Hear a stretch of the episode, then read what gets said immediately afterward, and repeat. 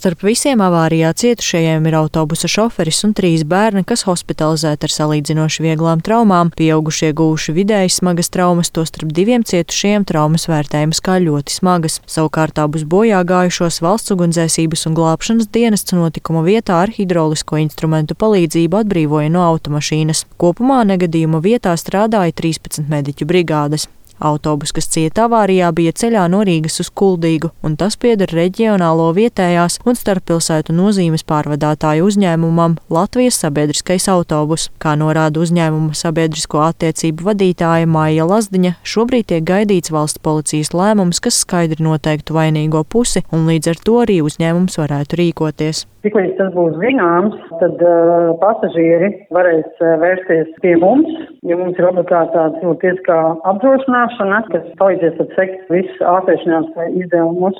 Bet katrā ziņā mēs palīdzēsim ikvienam pasažierim, kurš ir tieši šajā traģiskajā avārijā ar informāciju. Tā kā mēs uh, pilnīgi noteikti sadarbosimies, jebkuru mums jau pirmā informācija nāk un uh, cilvēki pasažieri, kas atradās autosā, jautā, Tā kā mēs jau sniedzam informāciju, bet nu, šobrīd ir vispirms jāskaidro, jā, policijas lēmums. Avārija no jauna aktualizējusi sabiedrībā jautājumu par drošības jostu lietošanu autobusos. Maija Lazdiņa skaidro, ka uzņēmumam nav pieejama informācija par to, cik daudz no pasažieriem brauciena laikā bija piesprādzējušies, tomēr konkrētais autobus esot aprīkots ar drošības jostām. Arī mēdījos vairāk kārt ir ziņots par problēmu proti, ka liela daļa cilvēku pārvietojoties ar autobusu neizmanto drošības jostas dažādu iemeslu dēļ, piemēram, tās nesot ērtas, uzskata, ka drošības josta nav nepieciešama, nav par to aizdomājušies vai nemaz nezina, ka autobusos tādas ir. Saskaņā ar ceļu satiksmes noteikumiem pasažieriem, kuru sēdvieta aprīkot ar drošības jostu, braukšanas laikā jābūt piesprādzētiem. Tāpat arī atbildību nes arī transporta līdzekļa vadītāji, kuriem ir pienākums ne tikai būt piesprādzētiem, bet arī nevest pasažierus, kuri nav to izdarījuši. Drošības jostu lietošana autobusos samazina traumatisma gadījumus un palielina iespēju, ka pasažieris negadījuma situācijā vieglāk atvesaļosies un arī izdzīvos, ja avārija ir krietni nopietnāka. Tā uzsver autotransporta direkcijas pārstāve Sanita Heinsberga.